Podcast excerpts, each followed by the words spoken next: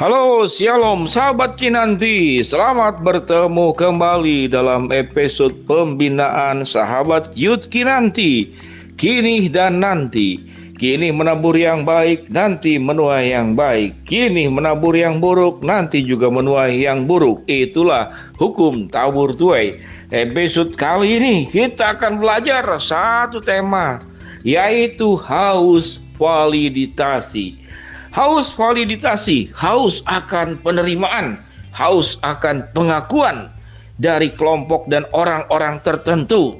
Sehingga tatkala dia haus penerimaan, haus pengakuan, dia berani melakukan apa pun demi yang namanya pengakuan, demi yang namanya itu penerimaan. Contohnya, ada anak remaja laki-laki, dia berani mungkin makan ganja, mabuk-mabukan, merokok, kemudian berbuat hal-hal yang aneh, menjadi gerak seorang yang suka coret-coret tembok di tengah-tengah kota, di mana-mana. Lalu dia mencoba untuk minum darah ular atau apa pun juga itu yang laki-laki. Mungkin yang perempuan demi pengakuan, demi haus validisasi. Dia berani pakaian minim bahkan mungkin maaf sahabat youth. Dia berani untuk membuka pakaiannya demi penerimaan sang pacar, sang kekasih di media sosial pribadi yang akhirnya terupload kepada umum dan kemudian itu menjadi konsumsi umum. Banyak peristiwa yang seperti demikian. Itulah akan haus namanya itu haus akan validitasi. Penyebabnya apa? Sahabat Yud yang dikasih Tuhan, sahabat Kinanti, penyebabnya apa? Salah satu faktor yang menyebabkan itu adalah pola asuh dari orang tua, yaitu orang tua yang otoriter.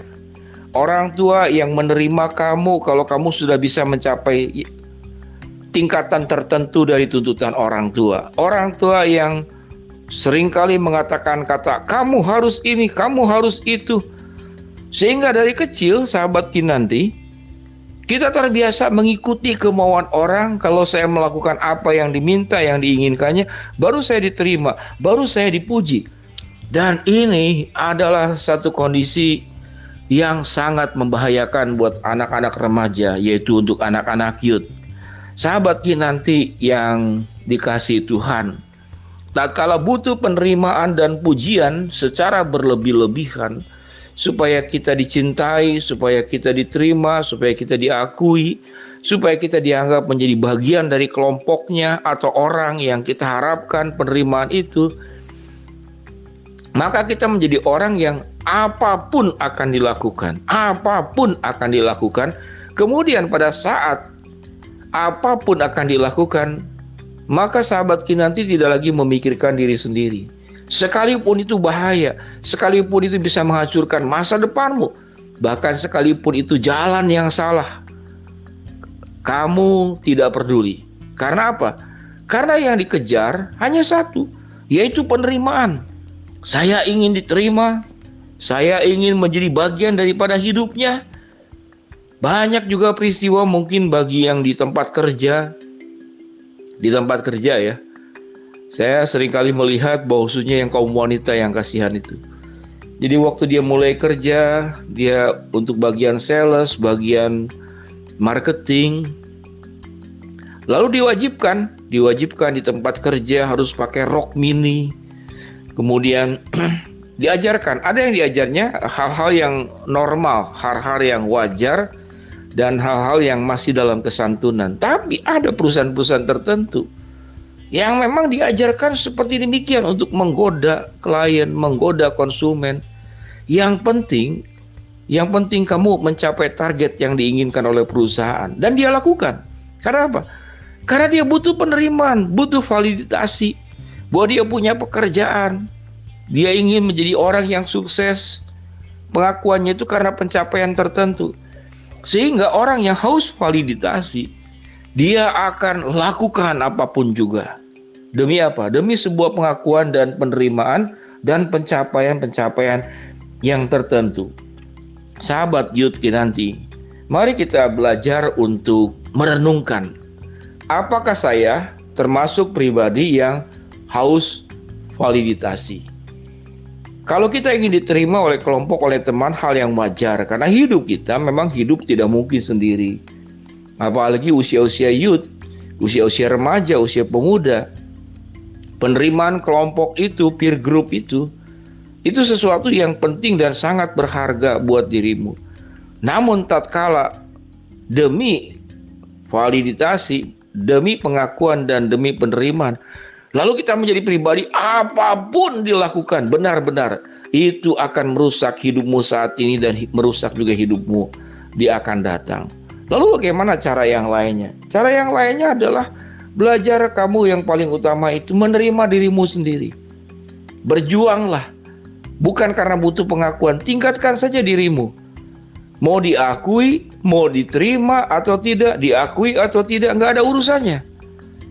Karena seseorang yang kapasitas dirinya itu akan meningkat, tidak perlu penerimaan. Karena orang diterima bukan karena penerimanya, tapi karena kapasitas dirimu menjadi orang yang lebih matang, menjadi orang yang lebih benar, menjadi orang yang lebih rajin, menjadi orang yang lebih tangguh. Kita punya sesuatu sehingga tidak lagi kita membutuhkan penerimaan dari orang lain. Karena kenapa? Karena kita memang punya kapasitas. Tidak perlu melakukan hal-hal yang melanggar, yang tidak sesuai dengan yang Tuhan inginkan dan itu mengecewakan Tuhan dan tentunya juga merusak kehidupanmu masa sekarang dan juga masa akan datang. Satu bagian firman Tuhan yang menarik dalam 1 Petrus 2 ayat yang ke-9. Kamu itu adalah bangsa yang terpilih, imamat rajani, bangsa yang kudus, umat kepunyaan Allah. Jadi Tuhan itu sudah menerima kita sebagai imamat yang rajani, bangsa yang kudus umat kepunyaan Allah yang akan membawamu keluar dari kegelapan kepada terangnya yang ajaib. Setiap kali merenung, merenungkan firman Tuhan, ya termasuk saya waktu masa-masa seusia sahabat Kinanti, benar-benar itu menjadi pegangan yang kokoh, tidak terjerumus ke dalam kehausan akan validitasi, karena Tuhan sudah menerima kita. Tuhan sudah mengasihi kita. Kalau orang tua kita yang otoriter, yang apa-apanya harus, harus, harus, harus. Sehingga kita terpaksa melakukan untuk mendapatkan penerimaan itu, kita berjuang melakukan apa pun yang diminta oleh orang lain. Tetapi kalau Tuhan meminta kita, Tuhan akan meminta di dalam kebaikan buat dirimu sendiri. Kalau engkau gagal, kalau engkau tidak sanggup, tidak apa-apa. Tuhan juga menerimamu. Bahkan sewaktu engkau berdosa pun, Tuhan tetap mengasihi dan menerimamu, tidak akan membuangmu. Seburuk apa pun Tuhan tidak pernah akan membuang sahabat nanti penjahat yang di samping salib Yesus saja. Seumur hidupnya nggak pernah berbuat hal yang baik, tetap dicintai Tuhan. Hari ini juga engkau dan aku akan bersama-sama di dalam Firdaus. Mari sahabat kinanti hati-hati dengan jebakan yang namanya haus validitasi. Tuhan memberkati. Shalom.